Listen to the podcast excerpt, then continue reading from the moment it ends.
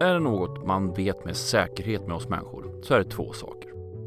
Vi gillar klatscha uttryck och vi gillar att grotta ner oss i mat. Och jag lovar, den här konstiga kombon kommer att förklara sig. I åtminstone modern tid har ett marknadsföringsknep eller propagandatrick varit att begränsa ett budskap till något som rimmar, en allitteration eller bara något väldigt kort och kärnfullt. Det funkade för Vietnamprotesterna på 60-talet. Det funkade för Johnny Cochrane, O.J. Simpsons försvarsadvokat. It doesn't fit. If it doesn't fit, you must acquit. Och det funkade för George Bush den äldre. And they'll push again and I'll say to them, read my lips. No. Men det finns ytterligare ett område där detta funkar väldigt bra som budbärare och det är i de alternativtroendes värld. Här slänger man sig med de här typen av snärtiga och ibland klart mindre snärtiga formuleringar som jag nämnde tidigare. 9-11 was an inside job, green hour vaccines, too many, too soon, pharma, sheeple. Ja, listan kan göras lång. Men en specifik allitteration kommer att bli dagens fokus och det är nu vi kan föra samman den spretande inledningen med dagens ämne. Ordet Frankenfoods, ett ord för att beskriva genmanipulerad mat, uppstod inom alternativrörelsen och har fått sådant fäste att det används både av politiker, av stora organisationer som till exempel Greenpeace och av media. Det är den perfekta liknelsen. Direkt får man en känsla av lite obehag samtidigt som man ser matvarianten av Frankensteins monster framför sig. Om det nu är möjligt. Hur som helst, det är ett väldigt klatschigt namn som samtidigt utmålar ämnet i ett väldigt negativt ljus. Genmanipulerade organismer, eller GMO som det förkortas, är en av de stora stridspunkterna inom vetenskap och samhälle idag.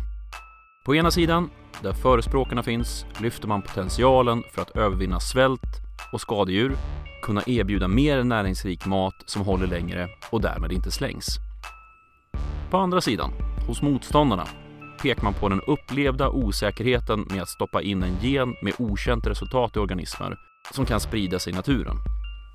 Man pekar på okända hälsorisker, cancerförekomst och ökat användande av farliga kemikalier. Och om inte annat pekar man på det etiska och moraliska. Att man helt enkelt är inne på Guds tassemarker. Så, se till att stråla era grönsaker för garanterad mutation Inhalera en extra dos glyfosat och fundera på om inte ett extra huvud vore bättre än insektsresistens. Jag heter C. Åkerberg och ni ska vara genetiskt välkomna till det här modifierade avsnittet av Kvalificerat Hemligt. Denna gång om genmodifierade organismer, deras potentiella fördelar, potentiella nackdelar samt konspirationsteorierna som omgärdar ämnet.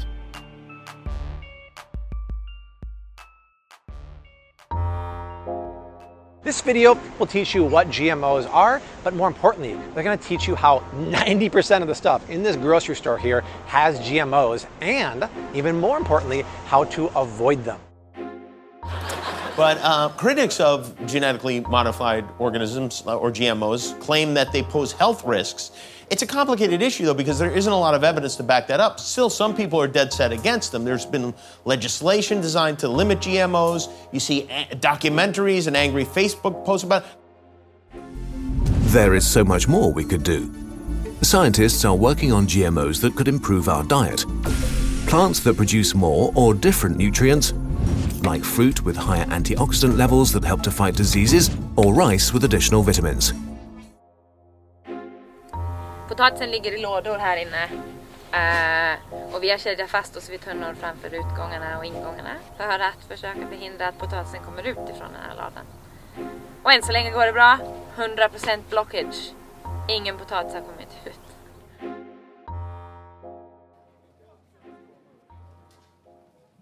Att människan har ägnat sig åt att mixtra med växter och grödor för att framhäva önskvärda drag är lika gammalt som jordbruket i sig. Förädling av växter var något som man ägnade sig åt i Kina för mer än 4000 år sedan, bara som exempel.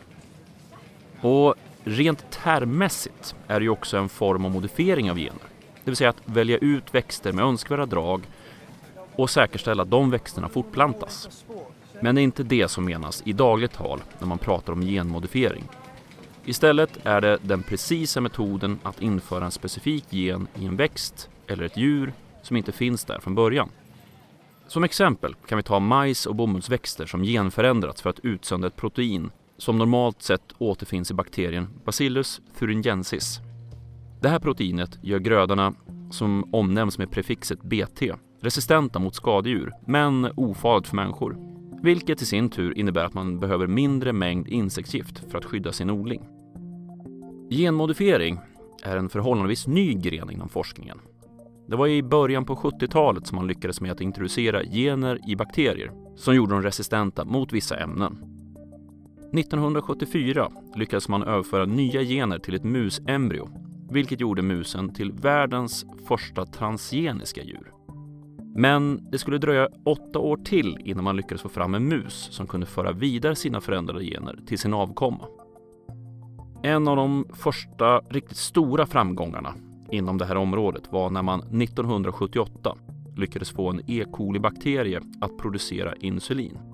Den här metoden godkändes 1982 av amerikanska myndigheter och är den metod som majoriteten av diabetiker världen över idag nyttjar för att få sitt insulin.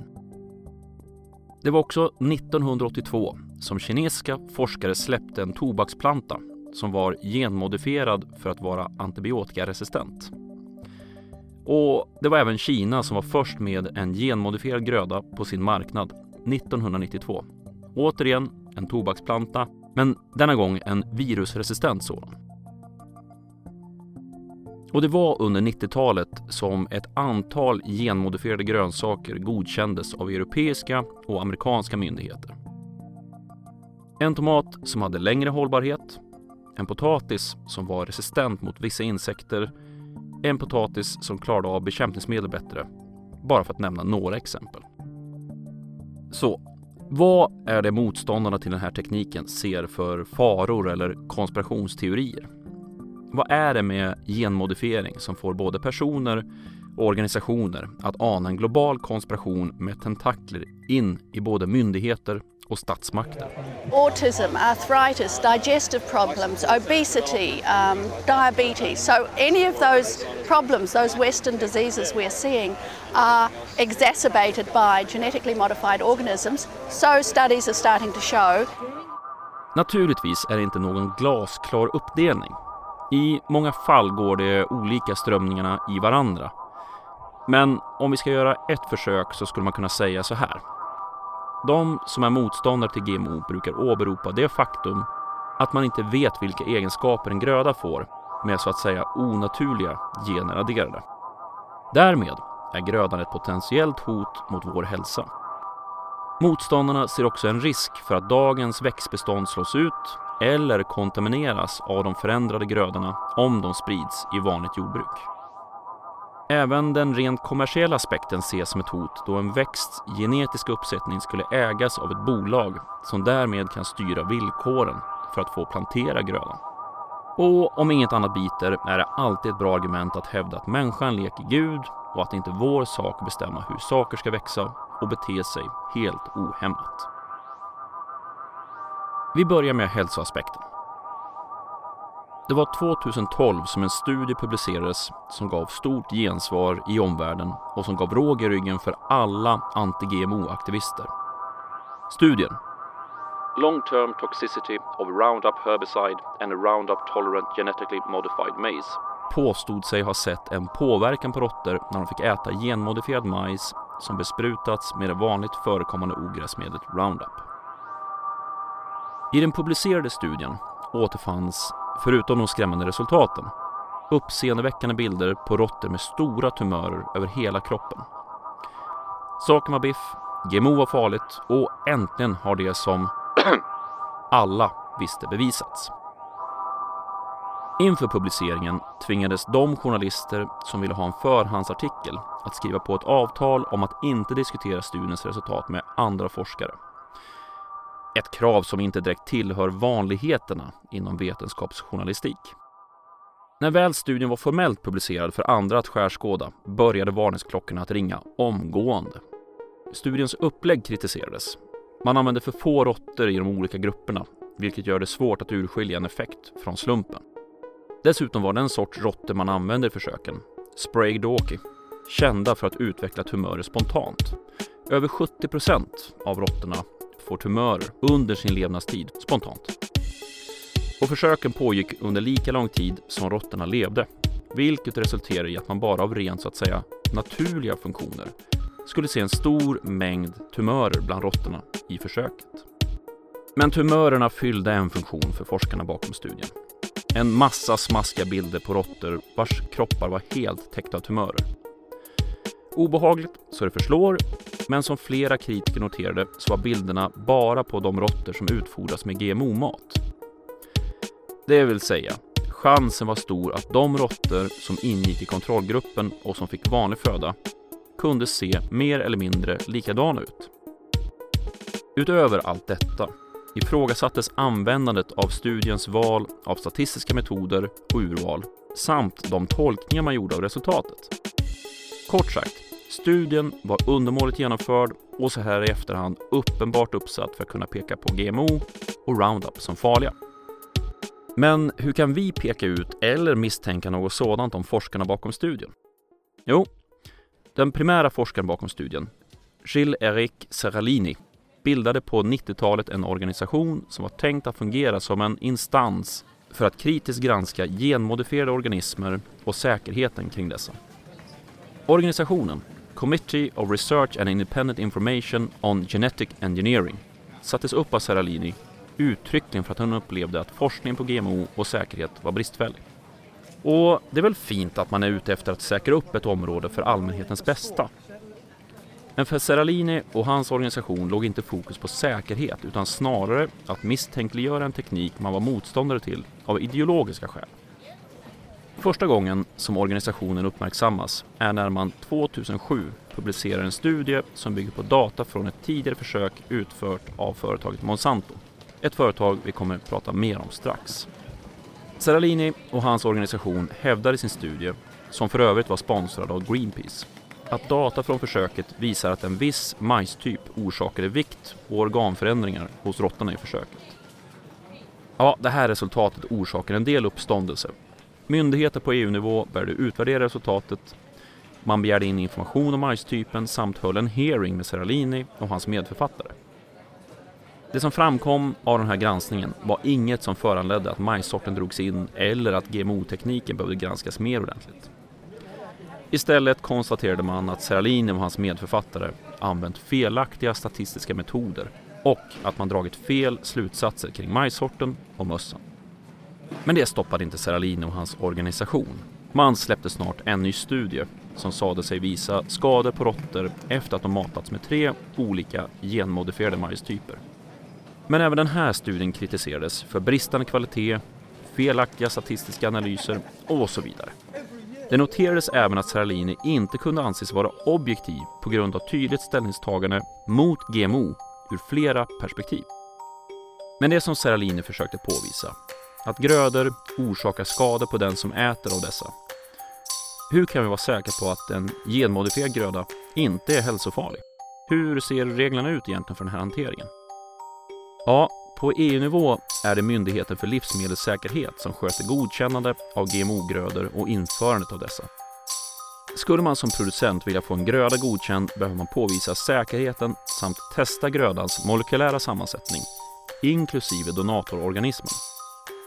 Utöver detta tittar man på näringsvärde och agronomiska aspekter för grödan. Samt naturligtvis giftighet, allergirisk och miljökonsekvens om grödan skulle komma ut i naturen. Mycket vikt läggs vid påverkan på biotopen och om grödan sprids från sin odlingsplats. Kritikerna menar att det är här som så att säga utblandning med andra existerande växter kan ske. Och för det första, den här risken finns med alla grödor, inte bara genmodifierade.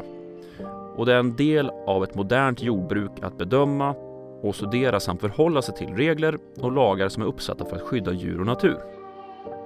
Ovanpå detta finns det ytterligare mekanismer som man kan använda sig av i GMO-grödor och det är terminatorgenen eller aktiveringsgenen. Med terminatorgenen är grödan steril vid utsäde och kan således inte användas mer än under en växtperiod. En gröda med aktiveringsgen kommer inte gro förrän man tillsätter en speciell kemikalie för att den överhuvudtaget ska kunna växa till sig. Ingen av de här funktionerna används i kommersiellt jordbruk idag, i dagsläget.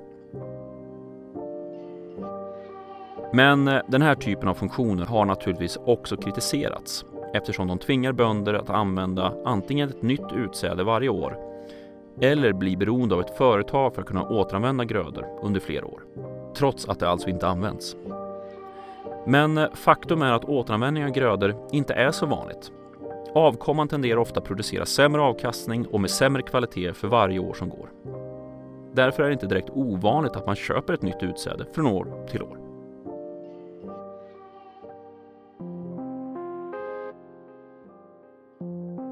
När vi pratar om genmodifiering och motståndet mot den här tekniken kommer vi att börja prata om ett specifikt bolag som ni nog har hört talas om tidigare.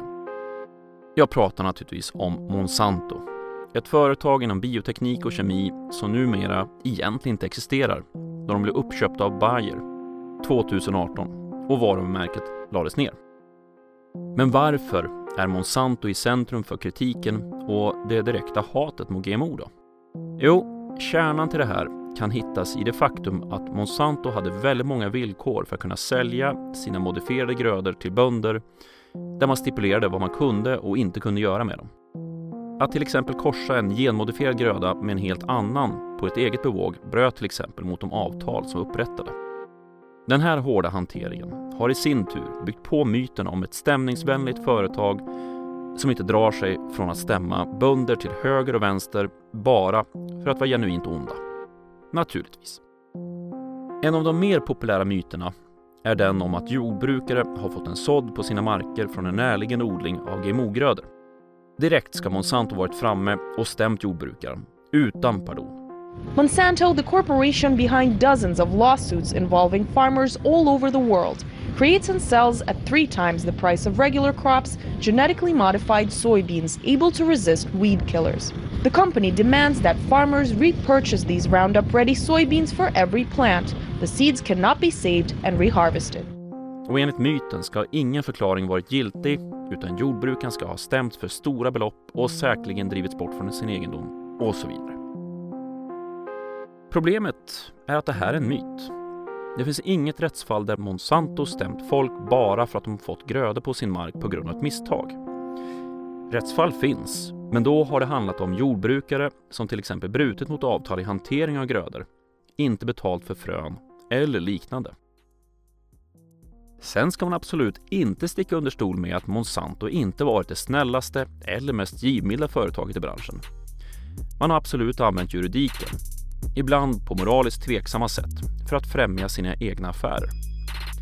Men eh, samtidigt har man inte varit värre än andra aktörer i biotechbranschen. Det är bara att Monsanto blivit ett rött skynke för miljö och naturligt är bäst troende. Något som många oroas för kring genmodifiering är att skadeinsekter skulle bygga upp en snabb resistens mot bekämpning som återfinns i grödan på artificiell väg. Något som i sin tur leder till att man måste ändå använda stora mängder bekämpningsmedel för att skydda grödorna. Och på något sätt ska detta då vara sämre än vanliga grödor eller ännu hellre ekologiska odlingar. Men här kommer den smutsiga hemligheten. All form av kemisk bekämpning, om det så är med de tidigare nämnda BT-varianterna grödor, Roundup eller så kallade naturliga bekämpningsmedel leder i förlängningen till att skadeinsekter och ogräs till slut börjar bygga upp en resistens. Det enda som fungerar mot framförallt ogräs och oönskade grödor för att inte bygga upp en resistens är mekanisk borttagning.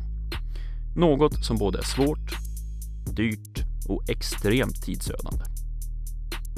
Och vad som brukar vara förhållandevis okänt i debatterna är att ekoodlingar, sånt som på engelska kallas för organic, får använda bekämpningsmedel ibland i större mängd och oftare än andra jordbruksformer. Det vill säga, både jordbrukaren och konsumenten riskerar att exponeras för bekämpningsmedel inom det ekologiska jordbruket. Kommer ni ihåg eh, BT-majsen jag pratade om tidigare? Den aktiva komponenten som är ofarlig för människan men dödlig för skadeinsekter används inom det ekologiska jordbruket. Enda skillnaden från den genmodifierade grödan är att istället bespruta växterna med det här giftet. Med påföljande spridning ut i vattendrag samt att det drabbar andra insekter som inte är skadedjur. Sen naturligtvis är ju allting relativt. Det är knappast fördelaktigt för någon om en jordbrukare använder starka syntetiska bekämpningsmedel ofta heller. Det är viktigt att hålla i åtanke att ingen jordbruksform är utan sina utmaningar och begränsningar och trade-offs.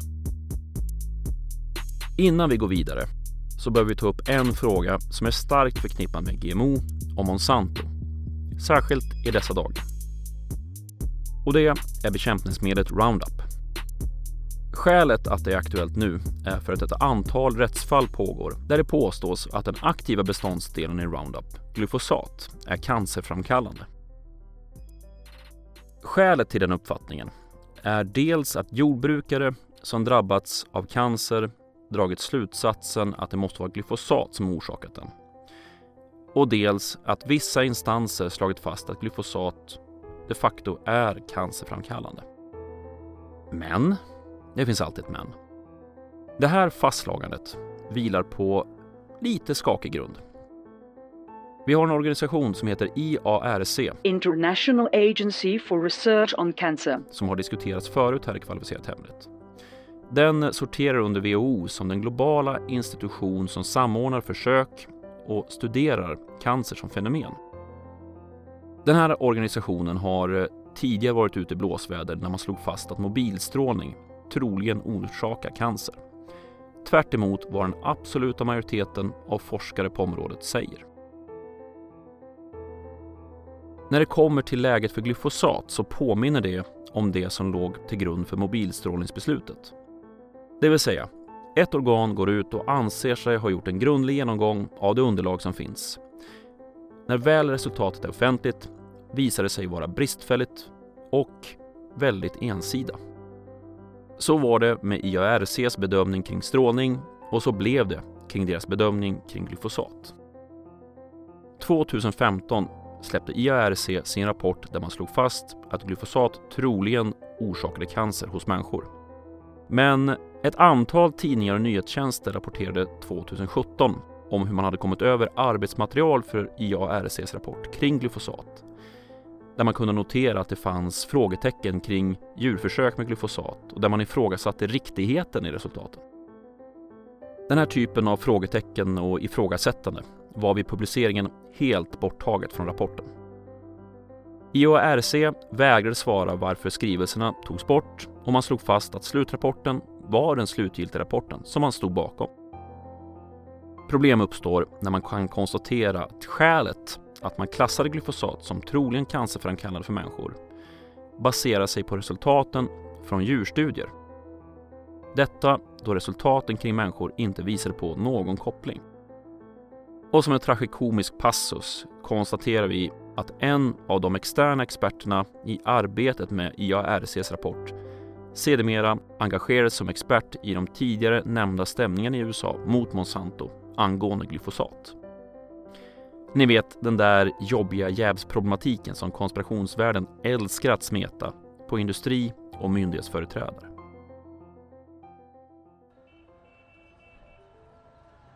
Genmodifiering är ingen tingest i sig. Det är varken gott eller ont. Det är en teknik som används för att kunna påverka grödor och organismer. Det kan användas till att göra bra saker, som inom annan forskning, och den kan användas till att göra dåliga saker, som inom annan forskning. Genom myndighetskrav, konsumentkrav, vissa marknadskrafter och rent sunt förnuft kan den här tekniken tjäna oss väl. Vi kan få grödor som är mer resistenta mot skadeinsekter, mot torka och som kan lagras längre utan att tappa sina näringsämnen. Den kan minska risken för svält för några av de absolut fattigaste länderna. Precis som så många andra forsknings och teknikfält. Det är därför det ringer så ihåligt när miljöorganisationer som Greenpeace kräver att GMO som teknik ska banlysas. I en perfekt värld så skulle miljörörelsen anamma allt som innebär bättre förhållanden för jordbrukare, konsumenten och miljön. minskad miljöpåverkan och minskad risk för svält. Det skulle man kunna åstadkomma genom att arbeta för tydligare reglering och rimligare myndighetskrav som skyddar och utvecklar. Men eh, nu väljer man att istället svartmåla genmodifiering som teknik. Man sprider felaktigheter eller direkta lögner om detta. Och med stora organisationer som Greenpeace som ställer sig bakom den här bilden tar vanliga medborgare vad de säger på allvar. Och det blir problematiskt när verkliga problem som inte är kopplade till GMO utan mer har att göra med levnadsvillkor och ojämlikhet i samhället blir ett slagträ i debatten. Så blev det med historien om de indiska bönderna som tog sitt liv på grund av, som det hävdas, GMO. Argumentationen ser ut så här. Indiska bönder luras mer eller mindre att köpa genmodifierad bomull med löften om bra och säker avkastning. Men det här är bara tom reklam. Egentligen skuldsätter sig bönderna och tar sitt liv utav ren desperation när skörden inte faller in. Om man gör en sökning på det här fenomenet så är det påtagligt många som för vidare den här tragedin utan att direkt kolla upp den mer noggrant. Men det här fenomenet har studerats av både indiska myndigheter och internationella organ. Och resultatet från de här studierna visar på att antalet självmord var förhållandevis konstant innan och efter införandet av genmodifierad bomull i Indien. Istället konstaterar man att extremt låga marginaler, liten areal, väderberoende samt världsmarknadspriset på bomull var mycket större faktorer när det kom till orsaken bakom självmord. Och med ett dåligt fungerande bankväsende i vissa regioner har jordbrukare varit tvungna att söka sig till privata långivare med horribla villkor. Ingenstans har GMO-kritikerna kommit med vetenskaplig, sund kritik mot GMO som teknik. Istället har man fokuserat på moraliska argument eller magkänsla eller skräckhistorier. För att sammanfatta läget kring genmodifiering och dess tillämpning samt riskerna så kan vi titta på en rapport som EU-kommissionen publicerade 2010. En rapport där man sammanfattade totalt 25 års studier av GMO, risker, möjligheter samt kunskapsläget. The main conclusion to be drawn from the efforts of more than 130 research projects, covering a period of more than 25 years of research, and involving more than 500 independent research groups, is that biotechnology, and in particular GMOs, are not per se more risky than conventional plant breeding technologies. Alltså, det finns ingenting inom forskningen som tyder på att GMO som teknik är i sig farlig för människor. Tvärtom så visar biotekniken sig ha stor potential för att minska klimatpåverkan samtidigt som fler människor kan äta sig mätta. Kanske var det därför som 107 nobelpristagare skrev under ett upprop 2016 där man krävde att tidigare omnämnda Greenpeace skulle släppa sitt motstånd mot GMO och mot Golden Rice. En modifierad ristyp som ändrats så att riset bildar vitamin A. Så var står vi idag? Är genmodifieringen det rep som mänskligheten billigt kommer hänga sig med? Eller är det lösningen på alla våra problem? Ja, svaret är ju föga förvånande varken så enkelt eller så svartvitt. Men vi kan avfärda rätt många av de värsta missförstånden och påståendena kring den här tekniken i alla fall. För det första. Genmodifiering i sig är varken farligt eller ofarligt. Det handlar om hur man använder tekniken. Men att påstå att vad som helst kan hända om man släpper forskningen fri så har man kanske en bild av forskning som är mer rotad i serievärldens superskurkar än verkligheten. Vilket för mig in på för det andra. Det finns mycket reglering på plats. Myndigheter har idag ett stort antal lagar, regler och krav när det kommer till att införa nya grödor, särskilt genmodifierade, på marknaden. Det finns också begränsningar i vad du etiskt får forska på, så håll inte andan i väntan på en puma med gifttänder, skorpionsvans och vingar eller ja, jag vet inte. Giftig flygande puma! För det tredje, det sprids mycket rykten och felaktigheter kring GMO. Bara ordet får många att bli korsögda och dra efter andan. Tänk på att även stora organisationer och nyhetssajter slirar med sin faktakoll eller till och med driver en egen agenda i de här frågorna. För det fjärde. Ekologiskt odlade grödor använder också bekämpningsmedel, ibland i större mängd än vanligt jordbruk. Dessutom tenderar de att ge klart mycket sämre avkastning per yta jämfört med vanligt jordbruk. För det femte. Inom GMO-världen är det bra att känna till det retoriska knepet guilt by association, det vill säga skuld genom sammankoppling. Det innebär att man till exempel kan säga vegetarianer är dåliga eftersom Hitler var vegetarian. Detta görs upprepade gånger i framförallt fallet med Monsanto, men också med bolaget som köpte Monsanto, Bayer. I Monsantos fall hänvisar man till att företaget var en del av leverantörerna av avlövningsmedlet Agent Orange under Vietnamkriget. Ett medel som senare visade sig orsaka fosterskador och hälsoproblem hos de som blev besprutade. Bayer får sin släng av sleven då man ingick i IG Farben-sfären och bistod under andra världskriget de nazistiska utrotningslägren med det cyanidbaserade cyklon B-medlet. Inget av detta säger något om företagen idag eller huruvida GMO är en pålitlig teknik eller inte, vilket borde vara självklart. Inget av det som diskuterats i det här programmet är någon direkt hemlighet. Informationen finns där ute, lättillgängligt. Och forskarvärlden är i stort sett enhälligt överens om betydelsen som GMO kan spela i framtiden. Men tyvärr spelar det ingen roll hur mycket vettig information som finns där ute när det dränks i ett hav av desinformation. Allt från genuint oroliga enskilda till konspirationstroende, miljö och hälsoorganisationer samt den ständigt närvarande trollfabriken online bidrar till att grumla vattnet i den här frågan. Tack vare allt detta så är det svårt att få till en vetenskapligt grundad diskussion om GMO i samhället. Istället för vad vi vet så handlar diskussionen om vad vi känner. Som så många gånger tidigare.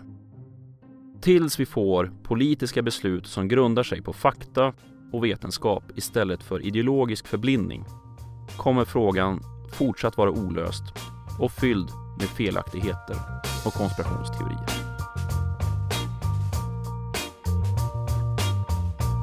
Du har lyssnat på Kvalificerat Hemligt, en poddradio om konspirationsteorier och vetenskap. Länkar till musiken, videoklipp och annat som nämns i programmet återfinns på programmets hemsida, khpodden.se. Jag heter C. Åkerberg och tack för att du har lyssnat.